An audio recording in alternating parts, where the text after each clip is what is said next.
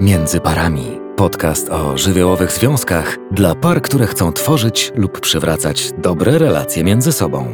Co takiego musi się wydarzyć, aby związek stał się fundamentem nowej rodziny? Czy my sobie w ogóle zadajemy takie pytanie, kiedy łączymy się w pary? Co takiego się dzieje pomiędzy nami, że my jesteśmy razem, że my się decydujemy być tu i teraz ze sobą i dlaczego akurat tak? Zaprasza Marita Woźne. Zadałam takie pytanie i dzisiaj też sobie je stawiam, żeby na nie jakoś odpowiedzieć w trakcie. Czy jest możliwe, aby dwie osoby, które są w związku, kochają się i chcą być ze sobą, mogą się odrzucać?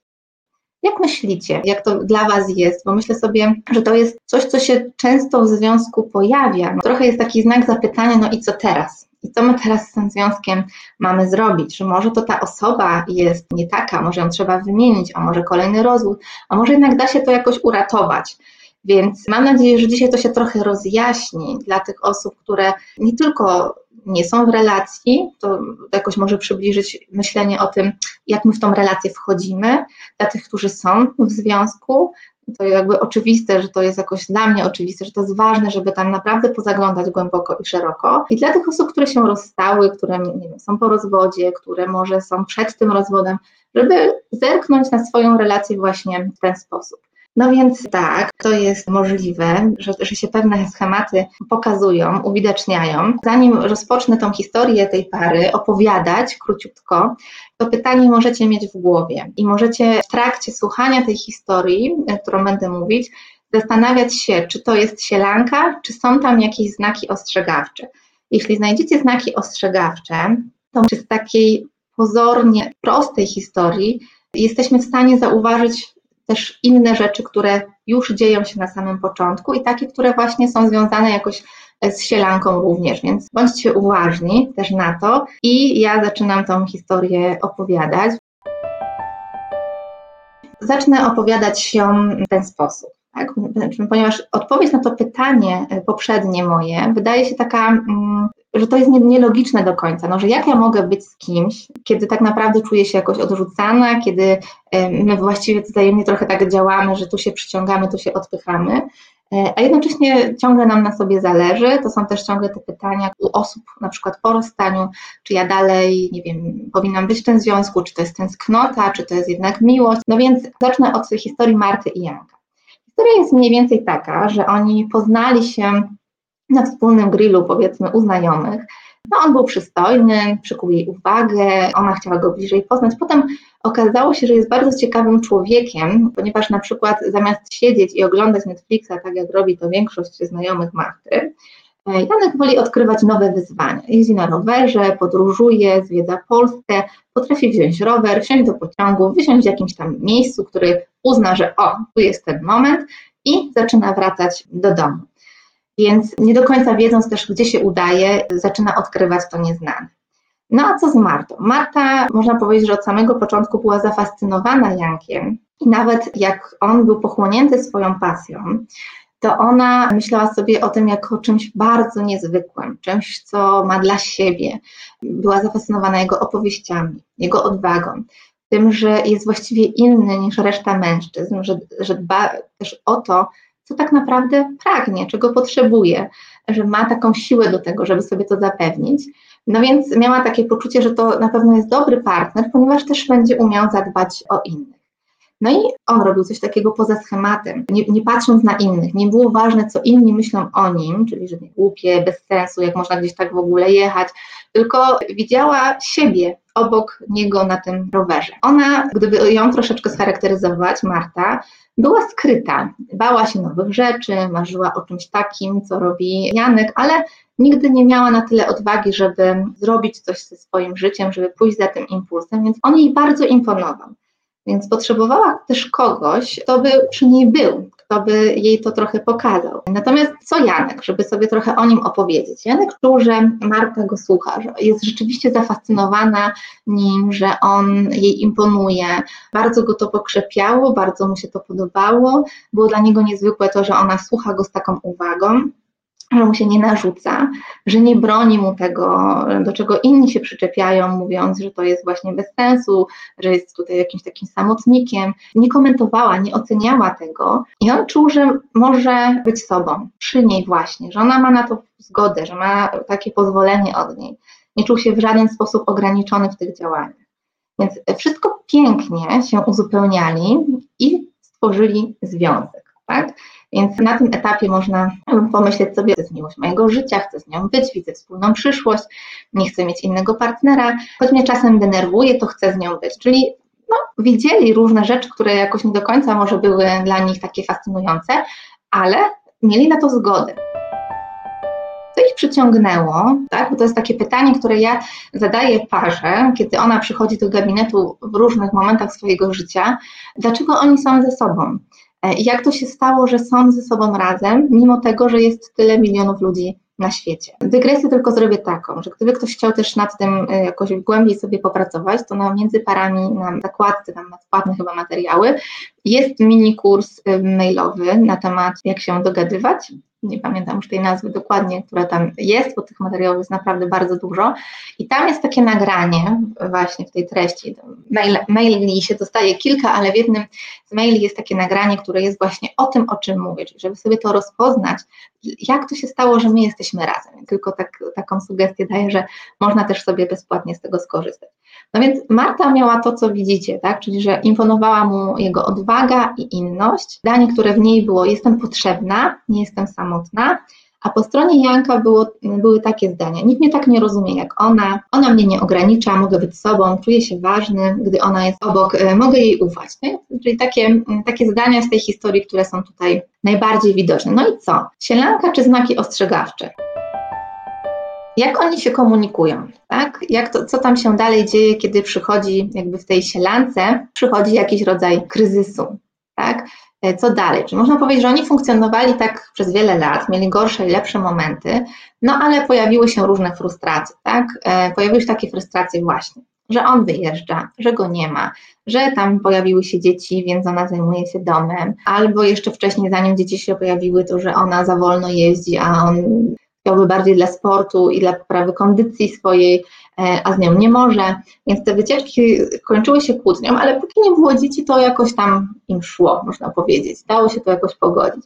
Natomiast kiedy e, związek się rozwijał i te dzieci się pojawiały, to wiadomo, że pojawiały się nowe osoby, które były albo do zaopiekowania, albo jakoś do, no, do bycia przede wszystkim, tak? Czyli już to nie jest takie życie sobie czasem sielankowe i piękne w symbiozie, tylko zaczyna się też życie z innymi kolejnymi osobami, które trzeba wziąć pod uwagę e, w związku. No więc ona, kiedy on wyjeżdżał, zasypywała go SMS-ami, było jej trudno jakby w tej roli mamy, czuła się taka opuszczona, czuła, że potrzebuje jego wsparcia, on tego wsparcia jej nie daje, ale ona była takim słuchaczem do tej pory dla niego. I teraz, kiedy ona zaczęła czuć, że jest jakaś, jakiś moment, w którym potrzebuje też obecności drugiego człowieka, no to się okazało, że po drugiej stronie nie ma słuchacza. I robiła jakby wszystko wokół dzieci i wszystko toczyło się wokół pretensji, tak, i obecności i nieobecności. No i gdybyśmy posłuchali tylko jej strony, to można powiedzieć, no to co się mówi zwykle o mężczyznach, a ja bym chciała dać te dwie perspektywy. Zwykle, czyli może, może niezwykle, ale to, co ja często słyszę, to jest jakimś, mam wrażenie, skrótem myślowym, że to on jest egoistą albo jest narcyzem, padają takie zdania czy słowa, które nie zawsze mają w ogóle wiele wspólnego. Myślę, że nawet wyraz diagnozujemy siebie wzajemnie i to nam w związku bardzo przeszkadza, a nie mówimy i nie zastanawiamy się o tym, jakie są nasze potrzeby właśnie. Więc gdyby jego zapytać, co tam się u niego zadziało w związku z tym, że pojawia się jakaś trudność, no to on by powiedział coś takiego, że ja chciałbym przestrzeni dla siebie. Stwierdził, że Marta, odkąd pojawiły się dzieci, zajmuje się tylko dziećmi i nie ma czasu dla niego.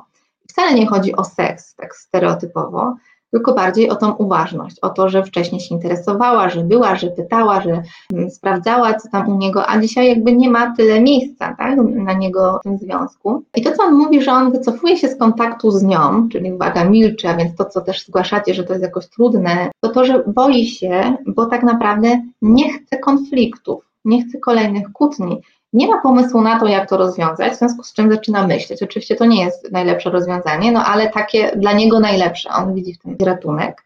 No więc praca była tym ratunkiem, wyjazdy były ratunkiem, tak żeby można było odpocząć od tych ciągłych pytań, od tych niewygodnych rozmów i czuł się wykluczony też jako ojciec i jako partner, czyli nie miał poczucia, że on może jakoś uczestniczyć w tym wychowaniu dzieci i że jest jakieś miejsce dla niego jako dla partnera komunikaty, które oni sobie wysyłali, czy co do siebie mówili, jak się komunikowali na tej warstwie takiej powierzchniowej, no to Marta mówiła, ciągle cię nie ma, nic cię nie interesuje, jesteś egoistą, nic się dla ciebie nie liczy, tylko ty jesteś ważny, nigdy o mnie nie walczysz, tak? A on z kolei zarzucał jej, że nie mam mnie, no bo ty na mnie krzyczysz, bo tak naprawdę ja nie chcę się kłócić, ale pogadamy, jak ty się uspokoisz, co na nią działało jeszcze bardziej jak płachta na byka, tylko dzieci cię interesują, e, ja cię w ogóle już nie obchodzę, więc każdy był w swoim jakimś opuszczeniu.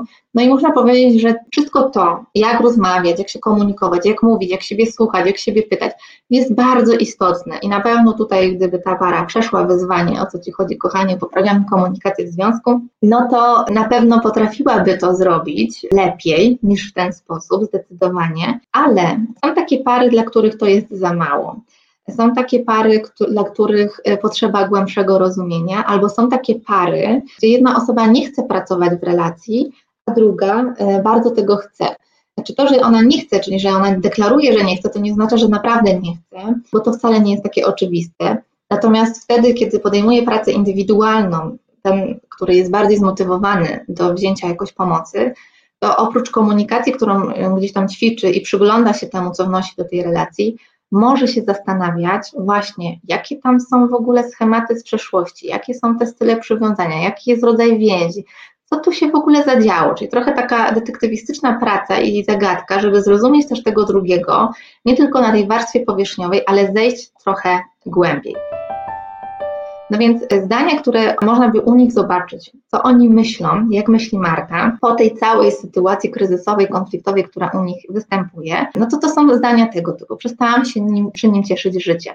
Ciągle się martwię i jestem w lęku, że nas zostawi. On w ogóle mnie nie szanuje, tylko on się dla niego liczy.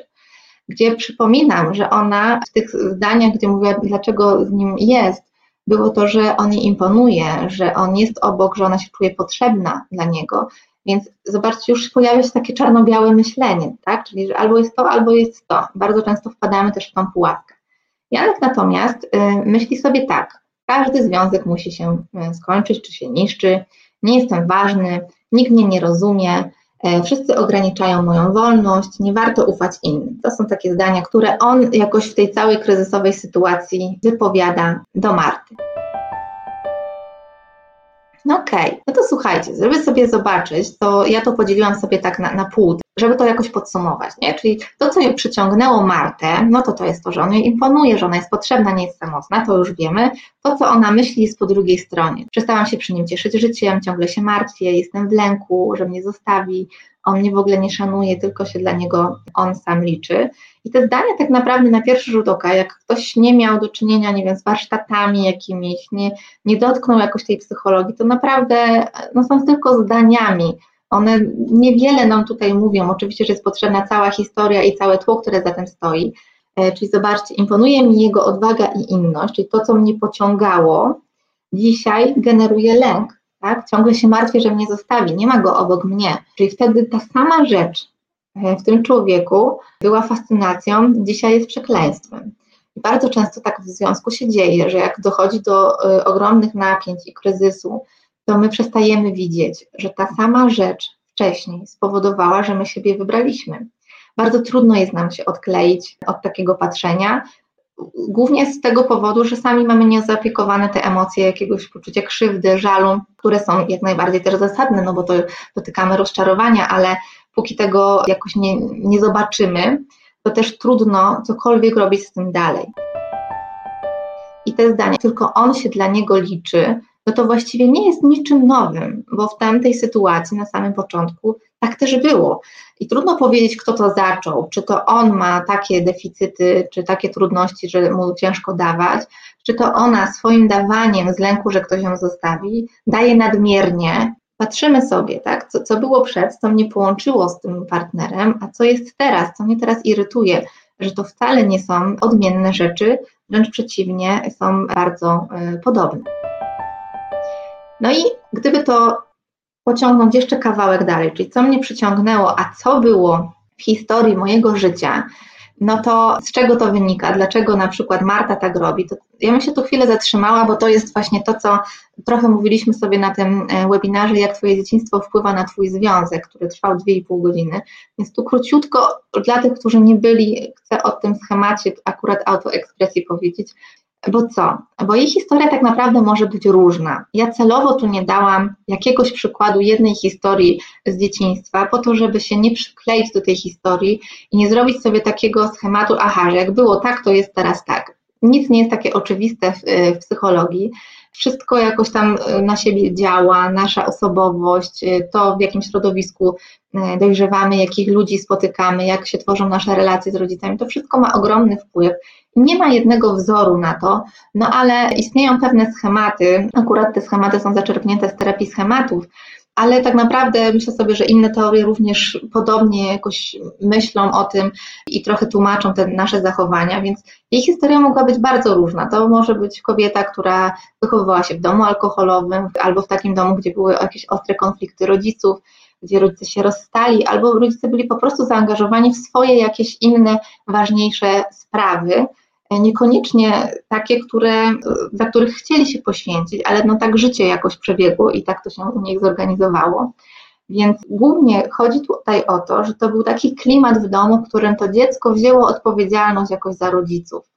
Nie było może do tego zapraszane, nikt może mu nie mówił, no to weź teraz tutaj ogarnij nasze życie, to teraz się tym zajmij, choć czasem było wprost, a czasem było totalnie nieświadomie, nawet nikt nie miał takiej intencji, po prostu się działo, bo się działo wiele trudnych rzeczy. Mhm, więc to też nie jest moment na szukanie jakby winy, tylko rozumienia tego, w jakim my klimacie żyliśmy, w czym my dorastaliśmy. Więc jeżeli czuję, że żyję w takim domu, w którym trzeba było się rodzicami jakoś opiekować, tak? E, dom alkoholowy jest takim domem, w którym dziecko za wszelką cenę chce utrzymać rodziców razem, ma takie pomysły, to co pacjenci często też mówią, że to przeze mnie rodzic pije, bo jestem nie taki, nie jestem nie taka, gdybym była inna, to on by nie pił, to przeze mnie się rozstają, czyli na takim ogromnym poczuciu winy, czasem wstydu, się to wszystko dzieje. I kiedy, jak się dzieje dużo trudnego w rodzinie, to dzieci czasem giną, w takim sensie, że znikają, są trochę jak za mgłą, są niewidoczne, więc nie dostają tego, co powinny dostać. Muszą się jakoś odnaleźć, żeby przeżyć, więc będą szukały takich strategii, żeby stać się widoczne. Więc na przykład biorą odpowiedzialność za rodziców w takim sensie, że martwią się, chronią tych rodziców, zabierają jakieś trudności. To jest trochę w cudzysłowie, a trochę czasem się rzeczywiście dzieje w realności, ale przyjmują jakby to, te emocje, które gdzieś tam się dzieją, gdzie się toczą i to jest naprawdę balast, który potem się niesie. Więc jak żyję w takim poczuciu, że muszę robić dla innych, że muszę zasługiwać, że muszę robić więcej, żeby ktoś mnie widział, żeby mnie dostrzegał, po to, żeby mieć czyjąś uwagę, że miłość jest wtedy, kiedy to ja właśnie komuś coś daję, że jakoś mi się w głowie nie mieści, że ktoś może też się mną zajmować. To są bardzo, bardzo trudne rzeczy, które wpływają. Więc jak my mówimy o Marcie, która mniej więcej możemy w ten klimat sobie wyobrazić część, która jest Janka, żeby mieć całość tej pary, jak oni się dobrali. Podobnie tutaj zrobimy tak samo, czyli że Janek, który e, właśnie wybrał ją dlatego, że e, nikt mnie tak nie rozumie jak ona, ona mnie nie ogranicza, mogę być sobą, czuję się ważny, gdy ona jest obok, mogę jej ufać. Dzisiaj myśli tak, każdy związek się niszczy, nie jestem ważny, nikt mnie nie rozumie, wszyscy ograniczają moją wolność, nie warto ufać innym. I znów Zdania jak zdania, jak się przyczepimy do konfliktu, to będziemy przy tym konflikcie i będziemy się uczyć różnych rzeczy, ale jak nie zobaczymy, z czego to wynika, to, to trudno będzie rozwiązać objaw, y, tak, ale przyczynę nie. E, więc to się będzie powtarzać przy każdych kolejnych sytuacjach konfliktowych i nie tylko w związku nam się to dzieje, bo przecież w relacjach w ogóle z ludźmi nam te schematy się też y, no, odpalają, tak, jakoś dzieją się. I znów to, co jest jakoś wcale nie takie rozbieżne, czyli nikt mnie tak nie rozumie jak ona, kiedyś powiedziane, dziś nikt mnie nie rozumie. Właściwie zdanie jest prawie identyczne innym ładunkiem emocjonalnym. Czyli wtedy znowu, tak, to było jak wybawienie, dzisiaj to jest jak potwierdzenie schematu, w którym żyliśmy. Ktoś mnie zawiódł, w związku z czym widzę trochę w tej mojej drugiej połówce, w partnerce czy w partnerze, to, czego doświadczałam przez lata i mam potwierdzenie, no właśnie, nie, jestem skazany trochę na to, czasem się tak fiksujemy na tym poczuciu krzywdy i żalu, że nie potrafimy z tego kompletnie wyjść, tak mocno się zatrzymujemy na tym, że ta druga strona ma się teraz natychmiast zmienić, coś z tym zrobić, nie widząc tego, co się dzieje w nas, że część rzeczy trudno jest nam tak po prostu puścić. Nic dziwnego, że jest nam trudno puścić, jeśli przez wiele lat trzymaliśmy ten bagaż, niesiemy go i niesiemy, i niesiemy. Miałam takie doświadczenie, e, czasem posługuję się tą metaforą plecaka, że mamy w tym plecaku te różne kamienie, różne trudy, które niesiemy. Jak ktoś jest tak bardzo zakotwiczony w tym, że on ma nieść ten plecak, to dla mnie to jest niezwykłe, jak oczywiście y, pracując, rozmawiam z, z, osobą i pytam, no i, i, jakby co, jaki ma pomysł, no to to jest pomysł taki, no, że on musi iść z tym, czy ona musi z tym iść, no i co dalej? No nie wiadomo co dalej, oddać to komuś, no okej, okay, oddać komuś, to jest najczęstsze, co się pojawia, ale co to znaczy oddać? Czyli ja ten trud biorę i teraz daję tobie, tak, moja druga połówka, weź coś z tym zrób, weź to ogarnij, czyli weź to odpowiedzialność za to. I naprawdę to, się, to może się takie wydać y, dziwne albo niewiarygodne, ale tak naprawdę taka osoba rzadko kiedy wpada na takim początkowym mm, etapie pracy na to, że ona ten plecak może po prostu zdjąć i zostawić, jak posługujemy się metaforą. Więc to jest naprawdę tak mocno w nas zakorzenione, że jakby usłyszenie takiego zdania, aha, czyli można to zostawić, to jest jak czasem objawienie, nie? że ktoś ma takie poczucie, że naprawdę to jest jego rola życiowa, jakaś misja, żeby teraz ten trud nieść. I oczywiście to są słowa i zanim do tego dojdzie i zanim to się poczuje, no to potrzeba e, terapii do tego, żeby to potrafić zrobić, ale podaję ten przykład po to, żeby sobie wyobrazić, jak to działa i jak silnie my jesteśmy gdzieś tam przyczepieni do tej przeszłości, że nawet myśli o czymś innym są zagrażające. Historia Jana, również tak jak i Marty, może być bardzo różna. Czyli to może być DDA na przykład, tak? Czyli to może być krytyczny rodzic, to może być rodzic, który jest poświęcony też czemuś, tak? Nie wiem, chorobie, jest jakaś jego nieobecność któregoś z rodziców, czyli znowu nie wybór rodzica, ale no sytuacja, która się dzieje. E, ja nazywam to też takie momenty, kiedy para funkcjonuje trochę jak w projekcie dom, czyli oni bardzo fajnie funkcjonują jako para logistycznie do dzieci, do pracy, do organizowania różnych rzeczy. Natomiast jeśli chodzi o bliskość, to tego tam po prostu nie ma. Jest tam strasznie trudno tak, o, o tą bliskość, o to, żeby być ze sobą. Więc funkcjonują logistycznie świetnie, ale y, no, wiele rzeczy tam brakuje i potem w końcu też przychodzi moment, kiedy być może się rozstaną, jeśli nie nauczą się ze sobą żyć inaczej. Czyli jest ten głód takiego, e, ja to nazywam karmienia, takiego bycia, że ktoś będzie, daje uwagę, daje poczucie, że jest jestem ważna, że jest ze mną, że to, co robię, jest interesujące. No, te, tego pragnie małe dziecko, tak? Jak następuje rozdzielenie dziecka od e, rodzica z różnych względów, czasem takich obiektywnych jak e, choroba na przykład tak, dziecka czy, czy rodzica i, i, i, tego rodzica nie ma, czy, czy fizyczna jakaś nie, nieobecność albo emocjonalna, no to pojawia się ten moment takiego poczucia, że, no, że, że czegoś nie dostałem, chociaż to nie jest w ogóle w świadomości co para uruchamia w sobie z dzieciństwa, tu już przechodzimy do trochę takiego podsumowania tych różnych mechanizmów, które się tu zadziały.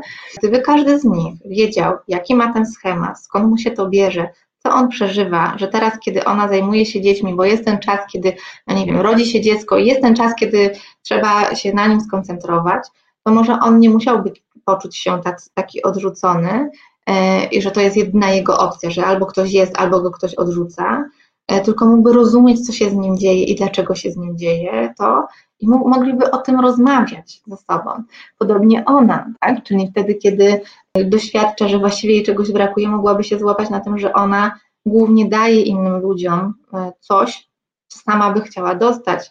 Więc w tym dawaniu tam jest też ukryte oczekiwanie i nadzieja na to, że ktoś mi się odwdzięczy, no a jak się nie odwdzięcza i nie potrafi dać tego samego, to pojawia się kłopot duży. No dobra, no to tak, słuchajcie, żeby to teraz rozpracować i zobaczyć w tych mechanizmach, no to to już wiemy i widzimy, co już sobie powiedzieliśmy, tak, czyli to, że on jej imponuje, że ona jest potrzebna, że nie jest samotna i po drugiej stronie to, co Janek, czyli on, że on się czuje ważny, gdy ona jest obok i może jej ufać. Czyli to są te ich jakby schematy, które oni sobie stworzyli, kiedy się połączyli, kiedy zauroczenie tam szalało, wzajemnie się jakoś dobrali w tą, w tą parę i to jakoś tak ich trzymało i sprawiło, że oni zbudowali właśnie tą miłość. No ale ten sam schemat zobaczmy na zasadzie ich historii. Czyli to, co Marta, to, to, co ona by mogła powiedzieć. Nie czułam się ważna, gdy zajmowałam się rodzicami. Gdyby ją zapytać o historię życia na przykład, tak? Byłam zauważona, gdy dbałam o ich potrzeby, a nie swoje. Nie mogę być prawdziwie sobą, muszę się dopasować.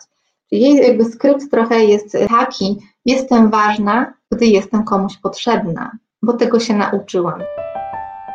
No a Jan, Janek, mógłby powiedzieć o swojej historii rodzinnej tak. Potrzebowałem obecności rodzica. Byli, ale częściej ich nie było. Jeszcze można by dodać, jak byli, to wymagali. Inne rzeczy były dla nich ważniejsze niż ja. Nie można ufać. Miłość jest, a potem jej nie ma, nie ma jej na stałe. Jego taki skrypt, który można by sobie jakoś nazwać, bo każdy może sobie swojego poszukać takiego zdania, które mówi o waszych historiach, czyli jakbyście nazwali wasz sens przekazany właśnie z pokolenia trochę, tak, czy poprzez tą budowę więzi z rodzicem, poprzez doświadczenia, które później mieliście. Janek miał takie, miłość przychodzi i odchodzi, tak, czyli ona jest jakaś nieregularna, jest i jej nie ma. Trzeba polegać na sobie, one mogłyby brzmieć też zupełnie inaczej, każdy z Was mógłby mieć na to inny pomysł w tej historii, ale to najważniejsze, żeby szukać swoich zdań, tego, jakim zdaniem Wy się charakteryzujecie nieświadomie i Wasz partner czy partnerka, jak to ze sobą współgra, jak tego szukać, jak te koła zębate właśnie się toczą i działają e, ze sobą.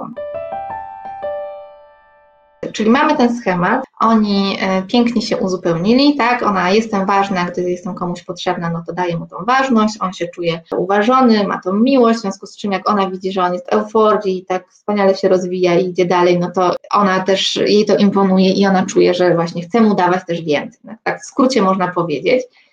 No i można by powiedzieć tak, e, że mm, wybór partnera jest właśnie podyktowany tymi pragnieniami, które pochodzą z naszych rodzin pochodzenia i że ten partner czy partnerka, którego wybieramy, jakoś musi pasować do naszego e, świata. Tutaj jest taki termin psychologiczny, uwewnętrzniony świat obiektów, czyli mówi się, że mamy tam to wewnętrzne dziecko i mamy tego wewnętrznego jakiegoś rodzica, e, no różne teorie o tym mówią w różny sposób, ale no tak to można zobaczyć, że te różne rzeczy, jakieś te głosy, o jeżeli mamy także, że się karcimy, sporo osób jest takich, które jakoś są krytyczne wobec siebie, jakoś się katują e, różnymi zdaniami, podważają to, co robią, ciągle, ciągle nie taka, ciągle nie takie, ciągle mogę więcej, ciągle nie tak. E, to to nie jest nasz głos, to, jest nasze, to są nasze głosy często, które gdzieś słyszeliśmy. Nie? Nasze poczucie własnej wartości zostało zachwiane i trzeba poodkopywać, podyskutować trochę z tymi głosami. No więc e, wybierając tego partnera czy partnerkę, to on musi pasować. Jak sobie wyobrazimy naszą rodzinę jak e, puzzle, no to teraz ten człowiek musi jakoś, jak ten puzzle tam pasować do tej układanki. I musi być konkretnie jakiś. Jaki to już wiemy, e, jak to się układa poprzez to, co powiedzieliśmy sobie dzisiaj, mm, ale musi mieć pewne określone cechy, które gdzieś tam pasują i tworzą układ tej rodziny, czyli na tyle musi pasować, żeby nie rozwalić tego systemu, czyli nie może ktoś nagle wejść i stwierdzić, że tutaj, nie wiem, wszystko jest beznadziejnie, tu nie działa, tam to źle i tak dalej i wprowadzić swój porządek, to się nie uda, tylko musi mieć na tyle te cechy yy, połączone z takimi, które jakoś jeszcze w ten obraz się wpisują i zachowują taką względną harmonię e, w tej rodzinie. No i są takie trzy pytania, które warto sobie zadać. Dlaczego właśnie ty stałeś się mi bliski? To jest jedno. Drugie, czego tak naprawdę od ciebie oczekuję? Tak naprawdę, tak serio, tak jakbyśmy mieli wobec siebie najpierw, bo może, chociaż to może być najtrudniejsze, bo to jest y, szukanie jakiejś prawdy, którą mam, czyli na takiej zasadzie, że pomagam innym, ciągle jestem dla innych, ciągle daję tyle z siebie. Po co? Po co ja to robię? No bo to jest dobrze pomagać, bo to jest takie szlachetne, no ale po co? Po co tyle? No bo tak mnie nauczono, bo tak było no, w mojej rodzinie, no dobra, ale po co? Co ci to daje? Co ty z tego masz? To jest takie pytanie często, no ale jak ja mogę z tego coś mieć, skoro to ja komuś coś daję? No tak, coś z tego mam. Co ja sobie tam zaspokajam tym? Czy się czuję zauważona, czy się czuję ważna, czy się czuję doceniona, czy ja czuję się jakoś, nie wiem, obecna, potrzebna, nie jestem samotna. Tam jest milion różnych rzeczy, które mogą się za tym kryć i chodzi o to, żeby to sobie przeglądać trochę i rozmawiać o tym w parze, naprawdę rozmawiać E, bo zobaczenie tych światów, co się dzieje, jak para zaczyna to widzieć w gabinecie, to jest znowu jak objawienie, ale jak?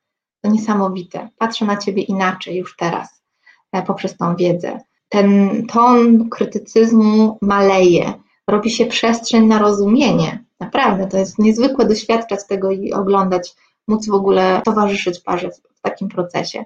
I można to robić też rozmawiając ze sobą, korzystając z różnych treści, choćby takiej jak ta dzisiejsza, wybrać się na randkę albo sobie ją zorganizować w domu i przegadać, a może najpierw samemu ze sobą się wybrać i sobie to wszystko poukładać.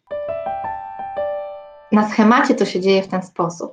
Poznanie się Marty i Janka spowodowało to, że mogę mieć, Marta mówi tak, mogę mieć to, czego mi brakowało, a Janek mówi, dostaję to, o czym marzyłem. I to, co jest przekreślone, to jest ten moment, kiedy para się poznaje i żyje ze sobą do pierwszego rozczarowania, takiego poważniejszego, który wywołuje kryzys w relacji, bo nagle, jak się pojawiają dla siebie, to przestają te schematy boleć z przeszłości. One się tak nie odzywają. Czasem się odzywają, jak się tam spotykamy z rodziną, coś się dzieje podobnego, ale generalnie nie są takie uciążliwe. Ten drugi zabiera nam ból życiowy, w którym byliśmy i mamy poczucie, że znaleźliśmy właśnie to, co jest tutaj dla nas istotne.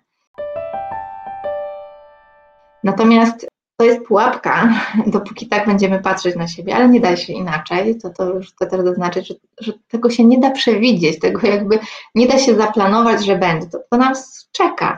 To jest tylko mit tej idealnej miłości, tak? drugiej połówki, której jednej osoby, która tylko do nas, pasuje, do nas pasuje, różnych przekonań na temat miłości, tego jaka ona powinna być, które mamy w sobie też uwewnętrznione, też sobie kompletnie nie zdajemy z tego sprawy. I mało kto wie, czy zdaje sobie sprawę z tego, że właściwie to się dzieje w każdej parze, czyli to, o czym ja Wam opowiadam. Pary przechodzą mniej, bardziej boleśnie, ale przechodzą. Radzą sobie lepiej, gorzej. Bym powiedziała, że im większy głód z dzieciństwa, tym większe oczekiwania w związku. I czasem ludzie wymieniają tych partnerów. Też jakby nie chcę, żeby to zabrzmiało, że to nigdy ma nie prowadzić do rozstania, bo czasem trzeba się rozstać, ale często mogłoby nie prowadzić do rozstania, gdyby ludzie używali tej wiedzy, wiedzieli, byli świadomi i można by było rozumieć. Więc jak te związki nam nie wychodzą, wchodzimy w kolejny, kolejny, kolejny, to też proponuję, żeby spojrzeć na to właśnie w ten sposób, no bo właśnie, bo, bo coś tu jest na rzeczy, to nie tylko przypadek, że tak trafiam jakoś. Gdy przychodzi kryzys, to to jest jak siła, która chce wywrzeć zmianę relacji. I ona musi to zrobić. Naprawdę. Rozczarowanie jest nam potrzebne, żeby się urealnić, żeby nie żyć w wizji, w jakichś obłokach, bo nie jesteśmy w stanie sobie zapełniać tych deficytów e, z dzieciństwa, przynajmniej partner nie jest od tego. E, ale co to jest? Co, co, to są za siły, które prowadzą do kryzysu? To właściwie może być wszystko. Śmierć rodzica, rozłąka, pojawienie się dziecka, poronienie, wyjazd za pracą, przeprowadzka, kryzys w firmie, utrata pracy, choroba, wszystko. Generalnie, jakby to nazwać jednym słowem, to jest rozczarowanie, czyli to, że nasze oczekiwania w związku nie zostały spełnione, ale tak maksymalnie, czyli tam trochę nazbierało, nazbierało, nazbierało, bo w pewnym momencie, jak się mija ten moment zakochania, no to my tam widzimy, że no, hmm, tu coś nie gra, no dobra, tu przymknę oko, to nie powiem, tu znowu mi coś nie pasuje, ale dobra, reszta w sumie jest ok, aż w końcu nam się tyle nazbiera tych różnych pretensji i oczekiwań, że już nie wiemy do końca o co nam chodzi, czujemy tylko ten, siłę tych emocji, która w nas jest, więc przychodzi moment, który się, nie wiem, dzieje i obwiniamy ten moment, a dzieje się to dużo, dużo wcześniej. No i dalej, e, bo jak się pojawia to rozczarowanie, nagle to, co partner mi dał, e, a właściwie zabrał ten ból życiowy, to przestaje istnieć. I co się z nami dzieje? Z nami się dzieje to, że my wracamy do starego schematu i on zaczyna być aktualny. Jak zaczyna być aktualny, to ja, nieświadoma tego, z czego się wywodzę, z jakiej rodziny, z jakimi przekonaniami, z jakimi brakami, z jakimi trudami, możliwościami, niemożliwościami, no mam potwierdzenie, no tak, właśnie, ja nigdy nie byłam ważna, na przykład. Tak, ciągle tylko muszę komuś coś dawać, żeby coś mieć. Życie jest niesprawiedliwe, ludzie są beznadziejni, wszyscy tylko coś chcą, a nikt nie jest w stanie nic dawać. Inni ciągle mnie ograniczają, ludzie są tylko krytyczni. Nie? Popatrzmy, jakie mamy zdania, które nam towarzyszą w takim potocznym życiu, gdzie my możemy właśnie znaleźć takich, jak rozmawiamy, wiecie, z sąsiadami, z ludźmi, jakimiś znajomymi. Co my mówimy o ludziach? W tym też można szukać takich przekazów, które gdzieś nas są. No i nagle, jak to mm, ginie, to co sobie dawali, to pojawia się przeszłość, nieuświadomiona jeszcze do tego całkowicie, więc kłopot jest podwójny, e, dlatego że po pierwsze, no nie ma na czym się oprzeć, więc znowu to czarno-białe myślenie, tak? Jest, albo, albo jest ktoś, kto mnie karmi, kto mi daje, kto mnie zaspokaja, no albo jestem w starych po prostu schematach, e, w starych trudach i nie da się z tego wyjść w poczuciu tej osoby. Jak się w tym, na tym zatrzymamy, no to możemy tak przeżyć całe życie. A tak nie jest. Właśnie chodzi o to, żeby trochę wyjść poza ten schemat, że to nie są dwie jedyne opcje. Natomiast to działa tak silnie wtedy kryzys, dlatego że my całą tą moc, jak nie jesteśmy świadomi tego schematu, to całą tą moc rozczarowania i oczekiwań, my nie idziemy, nie zajmujemy się przeszłością, nie zajmujemy się tym, co się tam nam zadziało, czemu tak mamy, czemu tak funkcjonujemy. My się zajmujemy obwinianiem drugiej strony tak? Bo gdybyś ty był, gdybyś przyjechał, gdybyś się interesował, gdybyś była ze mną, gdybyś nie była tylko z dziećmi, tylko e, była też dla mnie e, w, jakiejś bliskości, to byłoby inaczej. Nie. To są momenty, kiedy para doświadcza różnych ograniczeń. Pojawienie się na przykład dzieci jest jakimś y, ograniczeniem na dany stan tej pary, tak? Że za kilka lat będzie inaczej, ale na ten moment jest tak i jakoś się trzeba w tym trudzie odnaleźć. Ona ma swoje ograniczenia ale my nie wychodzimy poza ten schemat. My co najwyżej wychodzimy ze związków, szukając drugiego idealnego partnera czy partnerki, albo żyjemy w kryzysie, który jest z poczuciem, że nie da się już nic z nim zrobić.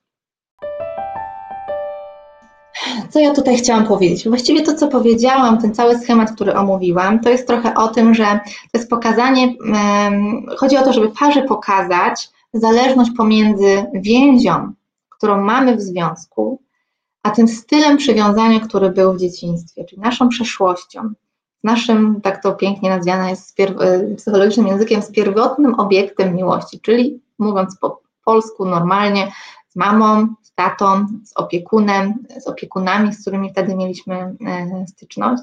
W każdym z tych osób ten styl przywiązania jest inny, kształtuje się w nas i jest swojego rodzaju matrycą do wchodzenia w nowe relacje. Dlatego jest tak ważne umieć to rozpoznać i umieć się w tym odnaleźć, jak jesteśmy w związku, a jak nie jesteśmy, to umieć szukać takich relacji, w których nie będziemy się czuli odrzucani. Więc co to robić? Co w tym pomaga? Co ta wiedza pomaga? Jak sobie zobaczymy tą więź, którą tworzymy i naszą matrycę, jak ją odnajdziemy, możemy zobaczyć, co każdy z nas nieświadomie do związku wnosi, mimo szczerych intencji. No bo przecież nikt nie wchodzi w relacje po to, żeby się niszczyć, tylko żeby być szczęśliwym.